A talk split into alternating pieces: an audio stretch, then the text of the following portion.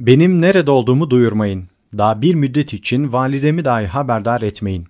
Ara sıra benim tarafımdan İstanbul'dan mektup gönderin. Mısır'a vardıktan sonra sana malumat ve adres vereceğim.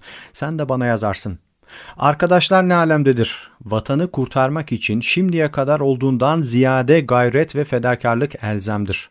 Endülüs tarihinin son sayfalarını okuyunuz.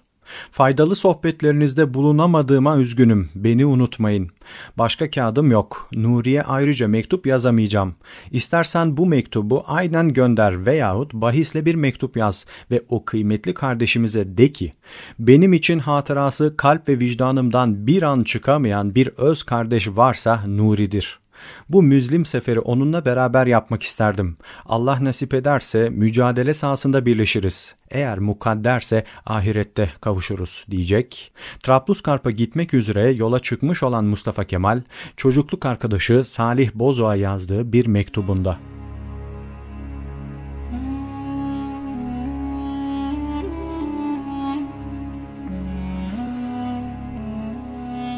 Mustafa Kemal bu mektubunu onu Mısır'a götürecek olan Rus vapurunun durmuş olduğu Urla'daki tahaffuzhaneden yani karantina merkezinden yazıyor. Geçtiğimiz yıllarda hepimizin hayatına bir şekilde girmiş olan karantina uygulaması, o yıllarda uluslararası yolculuk yapanlar için standart bir uygulamadır.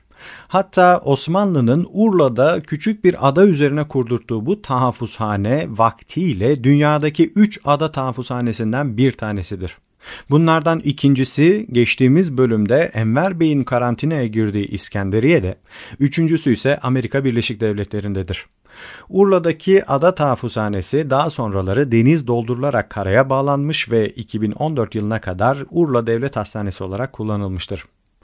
Evet bu bilgilerden sonra asıl hikayemize gelecek olursak Trablusgarp aslında Mustafa Kemal'in ilk defa gideceği bir yer değildir.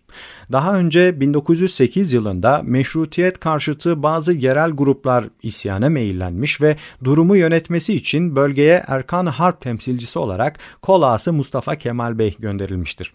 Genç subay bu ziyareti esnasında hem Trablusgarp'a hem de Bingazi'ye uğramış, yerel kabile reisleriyle temasa geçerek sorunu zor kullanmadan tatlı bir diplomasiyle halletmiştir.